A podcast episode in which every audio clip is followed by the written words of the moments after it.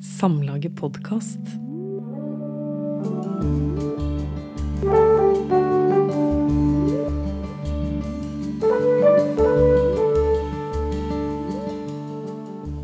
Ute i korridoren kommer en pasient inn i avdelinga iført håndjern og med en politimann på hver side. Han subber med svære vintersko på beina. Jon viser dem veien til et ledig rom, og når pasienten passerer meg i korridoren, nagler han meg med blikket bak et par skitne brilleglass. Hjelp meg, hvisker han med skjelvende stemme og streifer nesten ansiktet mitt. Leppene hans er tørre og sprukne. Jeg har aldri sett så intense øyne. Grønne og store, skinnende som klinkekuler. Ja, gratulerer, Therese Bakkvold, med debutromanen din, 'Tallboy', og velkommen til eh, denne podkast-samtalen om eh, boka. Takk. Du skriver en bok som er interessant, ikke bare pga. at det er en originalt historie med mange nivå, og som handler om veldig mange ulike ting, men som kanskje likevel henger sammen, og en original vinkling. Men for meg så er dette også et innlegg i en slags alltid pågående debatt om psykiatrien i dag. I romanen så blir jeg tatt med til det psykiatriske sykehuset i Tromsø, og vi nettopp hørt deg lese om hovedpersonen Toril, eller T, som hun helst vil bli kalla, og hun ser en pasient bli innlagt for første gang, tvangsinnlagt. Hun har ikke sett denne mannen før, men denne innleggelsen skal gjøre sterkt inntrykk på henne. Og denne mannen skal snart bli helt sentral i livet hennes på både en farlig måte og en eh, etisk ganske problematisk måte. Vi kan komme tilbake til dette, men eh, vil du først si noen ord om romanen? Med dine egne ord, hva, hva handler dette om? Ja, det, det vanskelige spørsmålet der, hva handler det om? Um, hvis jeg skal si sånn ei setning, så, så handler det kanskje om livet på ei psykiatrisk avdeling. Det er liksom der mesteparten av handlinga foregår. Men det handler kanskje også om eh, en forteller og en jeg-person i litt fritt fall, kanskje. Som, som står liksom på terskelen av noe som eh, lar seg dra, dras med inn i noe som blir farlig, som du sier, og litt sånn ugjenkallelig. Ingen, ingen vei tilbake. Men det er jo mange lag, tenker jeg, så det er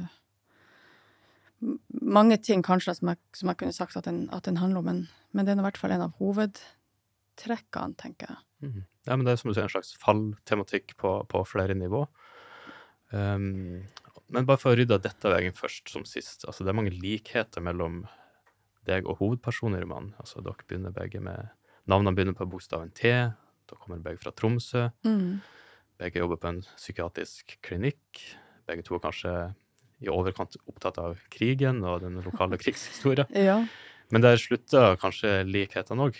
Eh, vil, du si noe om akkurat dette? Ja, jeg har jo skrevet eh, ei bok fra et miljø som jeg kjenner, eh, etter å ha jobba mange år på en psykiatrisk akuttpost, og for så vidt andre plasser i psykiatrien, men, men for det meste på en akuttpost for voksne.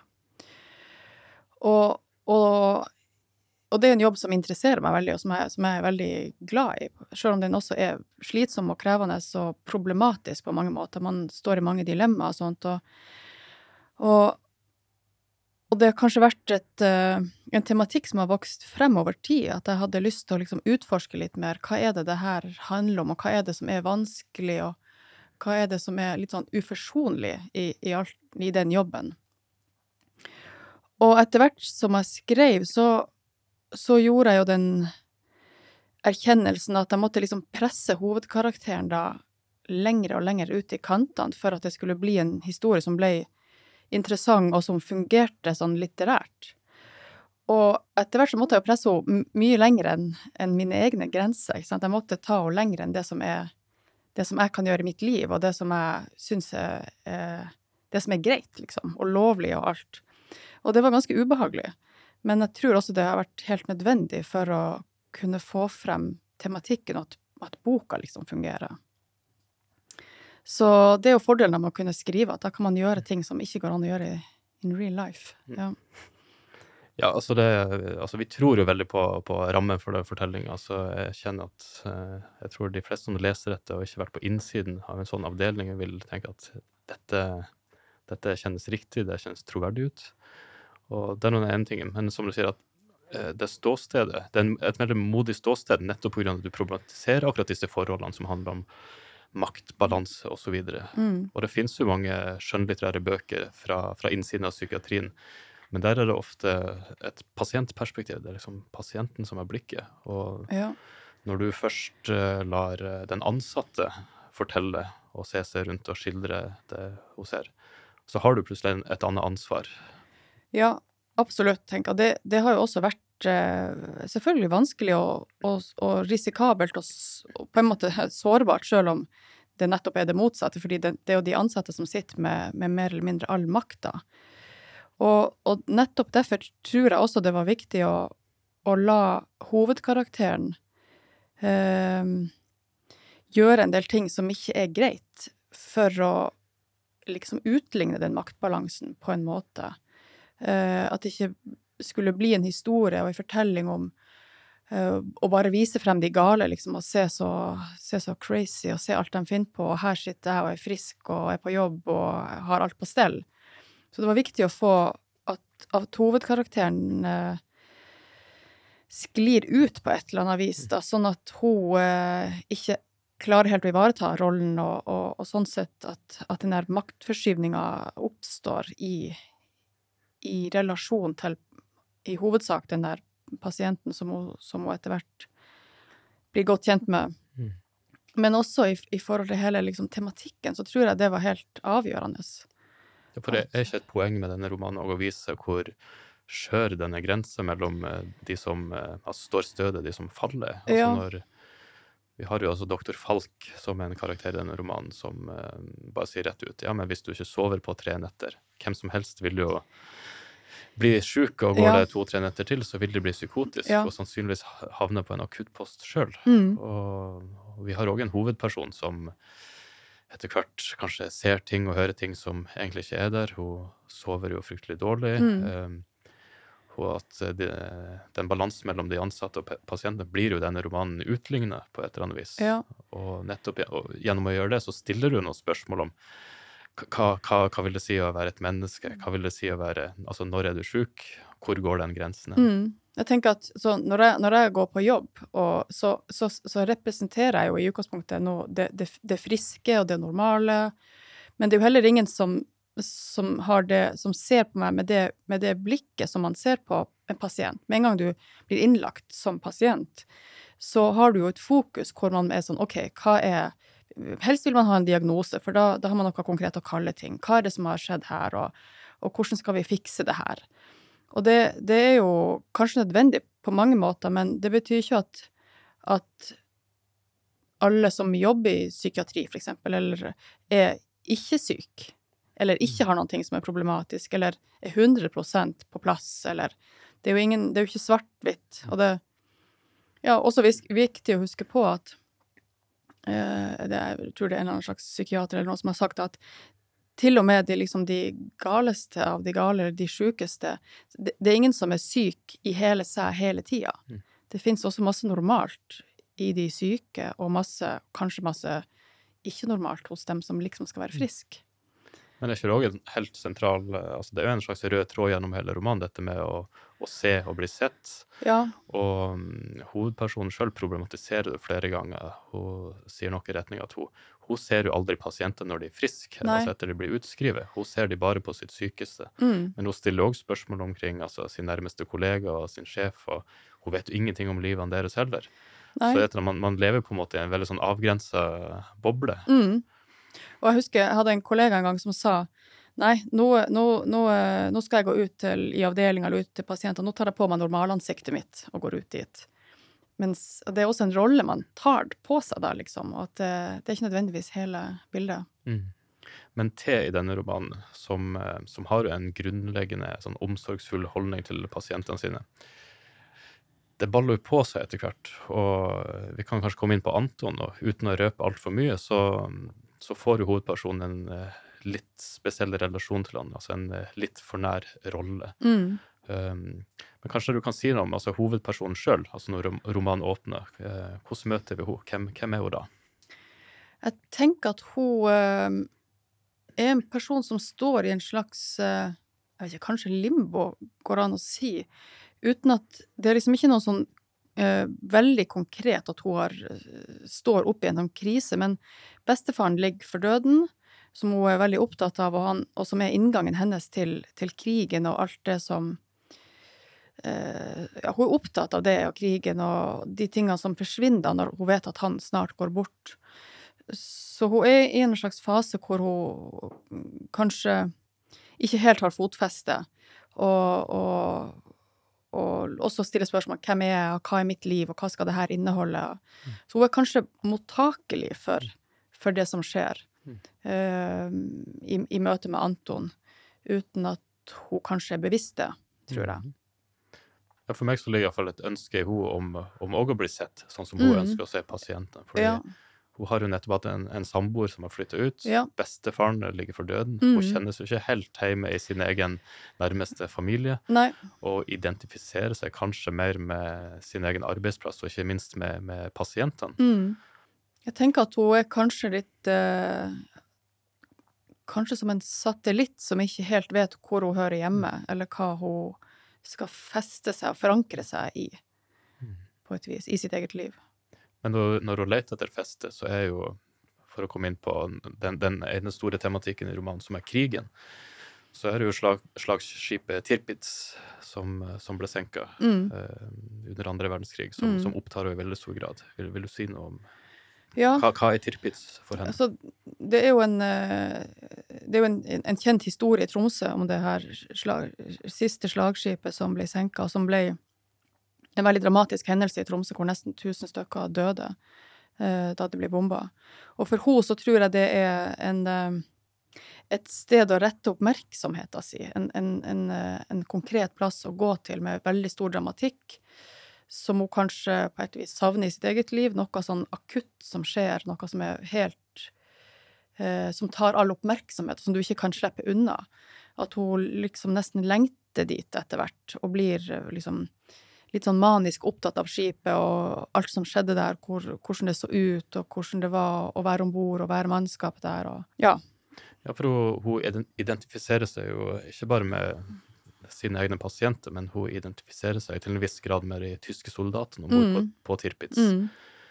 Og det er jo et eller annet med den tanken om at, at noen skal ta vare på henne. Altså på skipet så har du kapteinen, du følger bare ordre. Altså Ja. du, du slipper på en måte å tenke sjøl og forholde deg til, til eh, virkeligheten utafor. Og hovedpersonen tenker jo flere ganger i løpet av romanen at hun hun er misunnelig på pasienter, som Mm. bare kan, eh, de kan bare la seg falle, og de kan, Mm. bli, kan bli tatt vare på. Mm. Litt senere så står det at hun er misunnelig på den gravide søstera si, fordi hun har et eller annet stort i vente som er ugjenkallelig. Altså, det Mm. kommer til å skje. Det er noe som presser seg fram av ren, Mm. ren tvang. Mm. Og iallfall slik jeg leser romanen, så møtet med Anton fører til en lignende situasjon for henne. At hun, hun kaster seg kanskje ut i noe som hun vet dette Ja. skulle hun aldri gjort. Ja. Men hvis det først begynner å rulle, så Hun aner jo ikke konsekvensene av det. Nei. Og det tror jeg at hun på en måte vil, uten at hun kanskje er helt bevisst det. At hun, eh, hun lar seg rive med, selv om hun på et vis et eller annet nivå må hun jo skjønne at det her kommer ikke til å gå bra. Men hun stopper det ikke likevel, hun bare kjører på.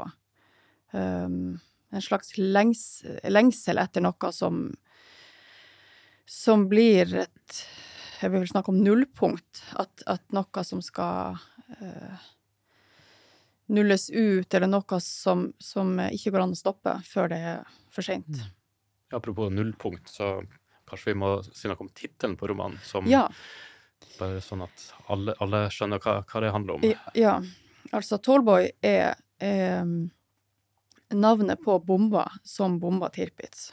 Som var en av de store bombene som, eh, som ble laga under, under krigen, og, eh, og som, som var laga spesifikt med tanke på å skulle senke Tirpitz. Var, Churchill var besatt av å få senka skipet, og, og satte i gang et, et svært liksom, apparat for å få laga en sånn spesialdesigna bombe som skulle klare å ta, ta skipet. Mm. Så derav navnet. Ja. Ja. Mm. Ja, og i et visst perspektiv så blir jo uh, Anton blir jo på en måte hennes tallboy. Altså det, det er noe sånn sjøldestruktivt over hennes uh, relasjon til han. Ja. kanskje du vil si noe om Anton? Hvem er Anton? Anton er en eh, pasient som blir lagt inn for første gang i, i psykiatrien, som aldri har vært i kontakt med psykiatrien før, og som påstår at han har vært astronaut. At han er Norges første astronaut. eh, og som hun blir veldig Eller hun får god kontakt med ham, egentlig ganske raskt. Og de, de får en relasjon som veldig raskt utvikler seg, som jeg tror er en, en form for gjensidig At de ser hverandre, og at det er noe, noe lett i, i den relasjonen da, som, som skjer. Og så eh, klarer vel ikke hun helt å ivareta sin, sin rolle og sette de grensene der hun skal i den relasjonen. Og, og selv om det er nok gjensidig på et vis, at de, de liker hverandre og, og eh, ja, har sjans for hverandre, så er det jo helt klart at det er hun som, som sitter med ansvaret i den relasjonen. Eh, han er jo den som er syk. Eh, men jeg tenker at det er vel ikke alltid så tydelig for verken hun eller han om uh, hvem som sitter med ansvar, og hvem som er frisk og ikke i den relasjonen. Hun finner vel endelig en person som iallfall hun opplever ser henne, Mm, og hun kan la seg falle. sant? mm, mm. Og Anton tar imot. Ja. Og de er jo like på flere måter. Altså på den måten Hun har jo dette Tirpitz-opphenget sitt, veldig opptatt av krigen. Hun snakker mye med Anton om krigen, og Mm. føler at han er kanskje den eneste som har lyst til å høre på. Ja. Mens han har jo sitt romfarerunivers. Ja. Som, og det syns jeg òg er interessant, at hun Hun har jo lyst til å tro på at, at han Mm. faktisk er en astronaut. Mm. Og etter hvert så blir det kanskje litt uklart om, om hun faktisk tenker at han er syk, eller om han faktisk har en eller annen kobling til Ja. Og det er et ønske som går igjen flere ganger gjennom romanen i forhold til andre pasienter, at for en gangs skyld så skulle jeg ønske at det de fortalte om, var sant. Mm. Kan ikke de bare få ja. Kan de ikke bare få det? Det hadde vært fint av og til om det, om det var virkelig sant, at de hadde rett, at det var de villeste tingene faktisk uh, har skjedd, at, uh, at det kunne blitt snudd på hodet. Mm. Og noen ganger er det jo helt sikkert ting som, som, eh, som pasienter forteller som, som er sant, som, man, som bare høres for vilt ut. Men Mm.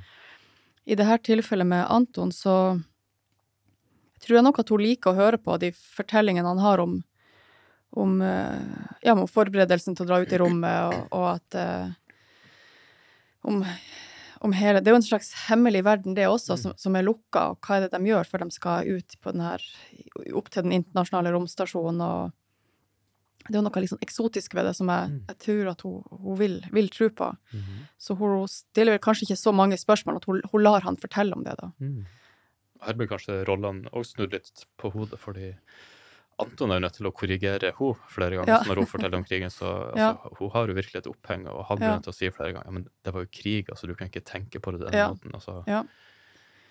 Ja. Mens hun aksepterer hans fortelling. Mm. Så omtrent der snur vel kanskje Ja. rollene litt, og relasjonen.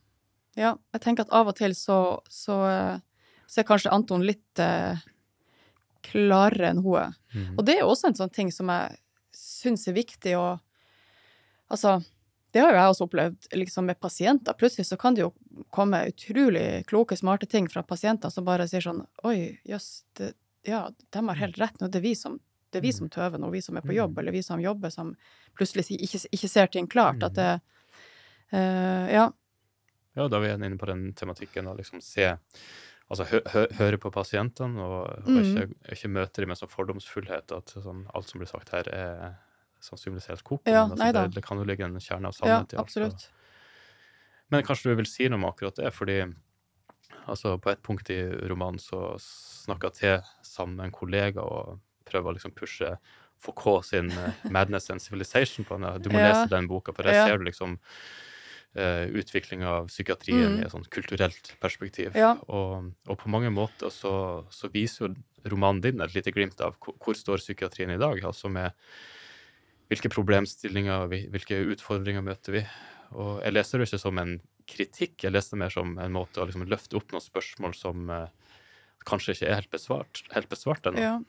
Det er jo uh, vi, Hvis vi tenker 50 år tilbake i tid, så er det jo liksom med skrekk og gru hva, hva vi gjorde i, i psykiatrien da, og lobotomi og tvangssterilisering og jeg vet ikke hva. Men, men øh, det er jo òg Eller jeg tenker av og til Enest vi ser 50 år frem i tid, hva vil vi da se tilbake på liksom, i dag og tenke Hjelp, dere var jo helt bortreist, liksom. Hva, så hva, hva, er det vi gjør i dag som er helt utenkelig om 50 år? Og det er jo en sånn ekkel følelse, liksom. Hva, hva er det vi ikke forstår nå, som vi kommer til å forstå om ei stund? Og jeg tror at, at, at, det har vært ei bra utvikling, at det har gått i riktig retning på mange måter, men, men det er jo et, et, vanskelig felt. Det er jo masse, så utrolig mye vi ikke vet om hvorfor mennesket Hvorfor hjernen vår funker som den gjør. Hvorfor blir folk syke? Hvorfor, hvordan fungerer medisinene, eller hvorfor fungerer de, eller ikke fungerer? Det er utrolig mange Det er et, det er et vanskelig felt, altså. Og, og, og det tenker jeg det er viktig å ha med seg liksom, inn, inn i det her at, at vi, vi, Det er farlig å være veldig skråsikker, tror jeg.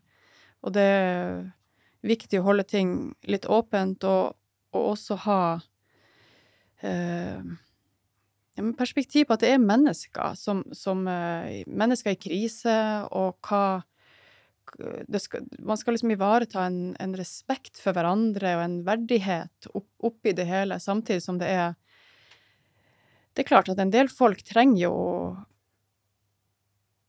ivaretakelse av et system, et offentlig system, liksom. Og noen Jeg tror at vi Jeg tror at det er vanskelig å tenke seg at man ikke skal bruke noen form for tvang. Eh, eller noen form for medisin. Det, det, tror jeg ikke vi helt kommer bort ifra. I hvert fall ikke i dag, akkurat nå, liksom. Det kan jo hende at fremover så, så kanskje er det noe som man, som man vil si er utenkelig, men og det er jo det er utrolig mye ubehagelig rundt det, da, å skulle tvangsmedisinere folk eller, eller overstyre voksne mennesker, er jo en utrolig absurd ting å gjøre. Men i jobben min gjør jeg jo det, og jeg, klart, jeg har jo krenka masse mennesker i jobben min, det, det, vet jeg jo at jeg har. Um, det, det, er jo, det er jo vrient. Mm. Jeg har lyst til å komme litt tilbake til, um, til den andre store tematikken i romanen, som mm. jo handler mer om, om krigen. Mm. Eh, kanskje du har lyst til å lese et utdrag? Altså, vi var så vidt inne på bestefarskikkelsen i stad, som, som, ligger for døden. Og koblinga eh, Altså hans kobling til krig. Kanskje du kan si litt om bestefaren først, fordi han har jo veldig direkte kobling til krigen og Tirpitz. Ja. Mm. Bestefaren eh, til T var med og Altså, han var ung voksen da krigen var, var over. Han var vel sånn 18-19 da krigen var slutt og jobba i mange år etter krigen med å rydde opp på Tirpitz. Eh, det var jo et svært skip og tok mange år å, å liksom demontere og selge alt av verdi og sånt. Så han har jo både erfaringer fra liksom de fem krigsårene, riktignok som ganske ung, eh, men likevel, og, og, og liksom Tirpitz etterpå. Så han er jo en kilde til, til informasjon som hun Altså noen erfaringer som hun ikke har, da. Mm. Så, og så har han noen ting fra fra Tirpitz som hun har fått tak i, uh, som han har tatt vare på. Mm. Skal jeg lese? Jeg koker linsesuppe til middag. Hakker løk og hvitløk, rører i gryta med ausa fra skipet. Kanskje spiser jeg det samme som guttene om bord. Der var det tre måltider om dagen til faste tidspunkt. De spiste i hver sin messe, delt inn etter rang. Bord og stoler var festa til dørken for å tåle uvær.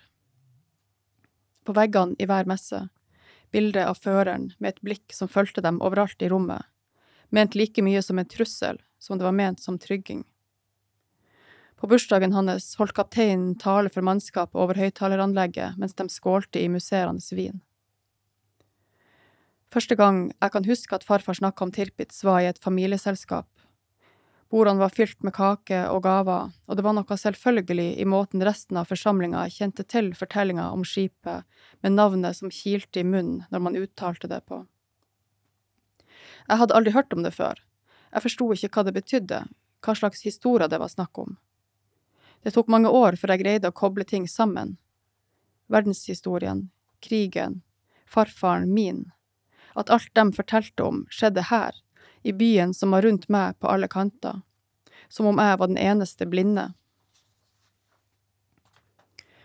Jeg fører skeia med den rykende suppa opp til munnen, nøyaktig den samme skeia som har rørt ved Otto, Ernst og Martin, gitt næring til unge marinesoldatkropper. Jeg lar den blanke skeia hvile på tunga før jeg svelger, og lar alt bli en del av meg. Holder den fremfor ansiktet mitt. Ser gjenskinnet av meg sjøl i metallet. Uklart, flytende. Innover, innover. Ja, jeg tenker en av hovedtematikkene i romanen eh, er dette som handler om eh, Vi snakker om å bli sett, se og bli sett, men eh, her er vi kanskje inne på det som handler om altså det å, å virkelig forstå, eller ønsket om å forstå. Og som Mm. jeg ser som det store prosjektet til T, altså selv om det på en måte tipper over etter hvert, så er det ikke helt tilfeldig at hun har lyst til å prøve å sette seg inn i det som skjer om bord på Tirpitz, altså denne identifiseringa med de tyske soldatene og med pasientene.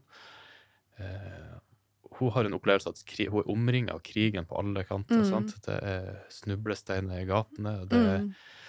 Hun sitter og ser på YouTube-videoer og leser bøker om eh, Mm. den lokale krigshistorien. Men for meg så handler dette om et ønske om å forstå. Altså, hvordan kan man sette seg inn i hvordan et annet menneske har, har, har det hvis man ikke har opplevd det sjøl på kroppen? Mm. Og på avdelinga så kommer det blant annet en, en afghansk flyktning. Som hun, der er hun veldig opptatt av hva, hva, er det som har skjedd, altså, hva er det som har skjedd med deg. Altså, hun spør om har du blitt torturert. altså Det virker som en sånn, et enormt ønske om å ja, hvordan kan jeg behandle en pasient, eller hvordan kan jeg forstå hvordan det var under krigen hvis jeg ikke opplevde det sjøl. Mm. Man kan vel kanskje kritisere henne for å være naiv og ganske privilegert, nettopp fordi at hun mangler alle de her grenseerfaringene som hun er nysgjerrig på og liksom lengter etter. Um, hun lengter jo liksom etter Eller mis misunner pasientene som kan slippe seg, og, og soldatene som har vært med på noe sånn kjempeviktig.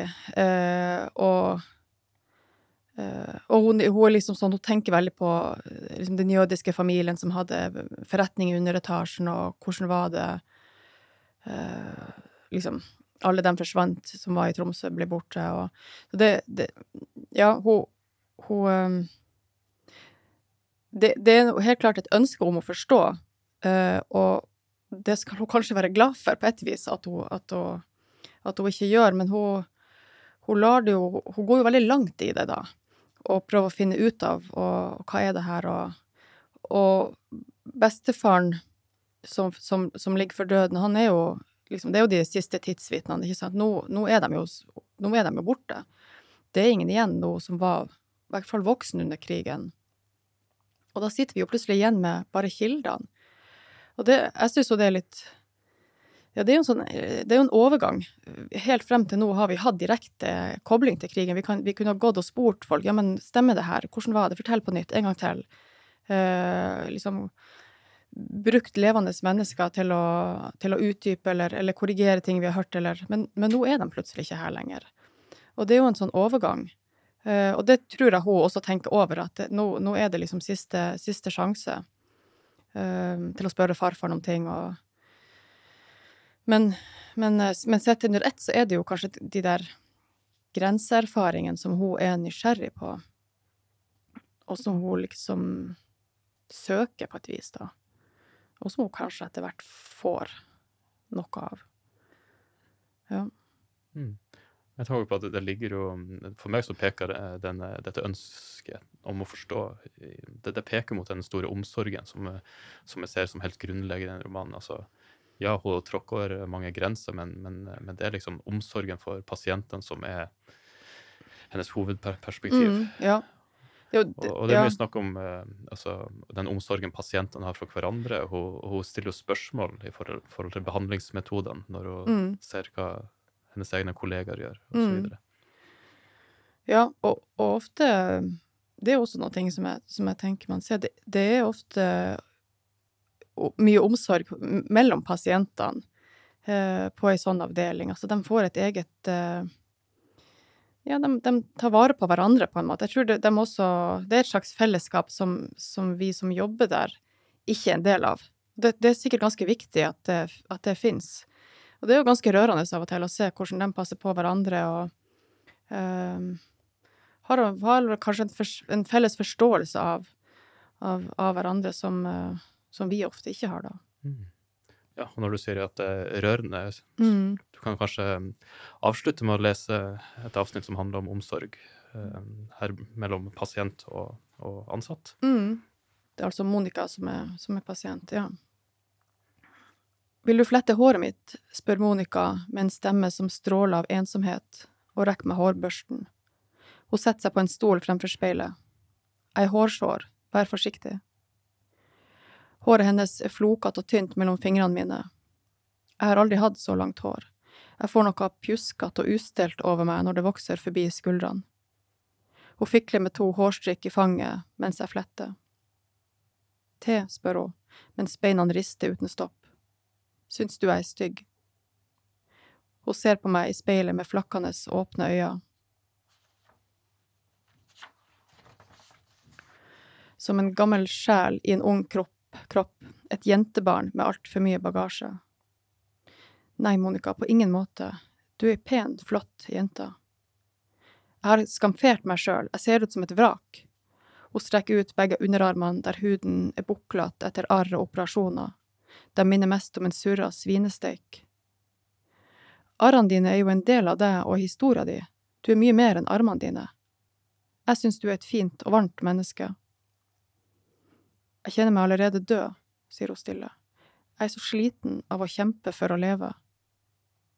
Det er ikke lov til å gi opp, sier jeg og holder henne i fletta. Du er nødt til å finne det som er positivt i livet, og holde fast på det. Hun rister på hodet. Jeg er et mislykka menneske. Det er for seint. Det er ikke noe å gjøre med det. Hun fester strikken i tuppen og stryker vekk hår fra panna. Det kommer til å gå fint, Monica. Du er absolutt ikke mislykka. Du har masse ressurser og vilje. Det, det er så mye du kan få til. Jeg ordner den andre fletta sjøl, sier hun kort og reiser seg, jeg trenger en røyk. Den uvanlige intimiteten mellom oss er brutt. Hun bøyer seg etter sigarettpakken på bordet, den magre ryggrada hennes buler under genseren.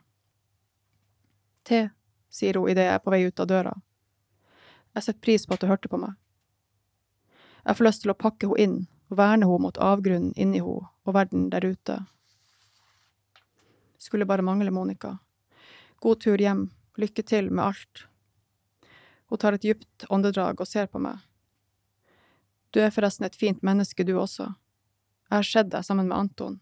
Du gjør en bra jobb med han. Det er lett å se at dere trives i hverandre sitt selskap. Jeg lukker øynene og biter meg i leppa for å stoppe skjelvinga.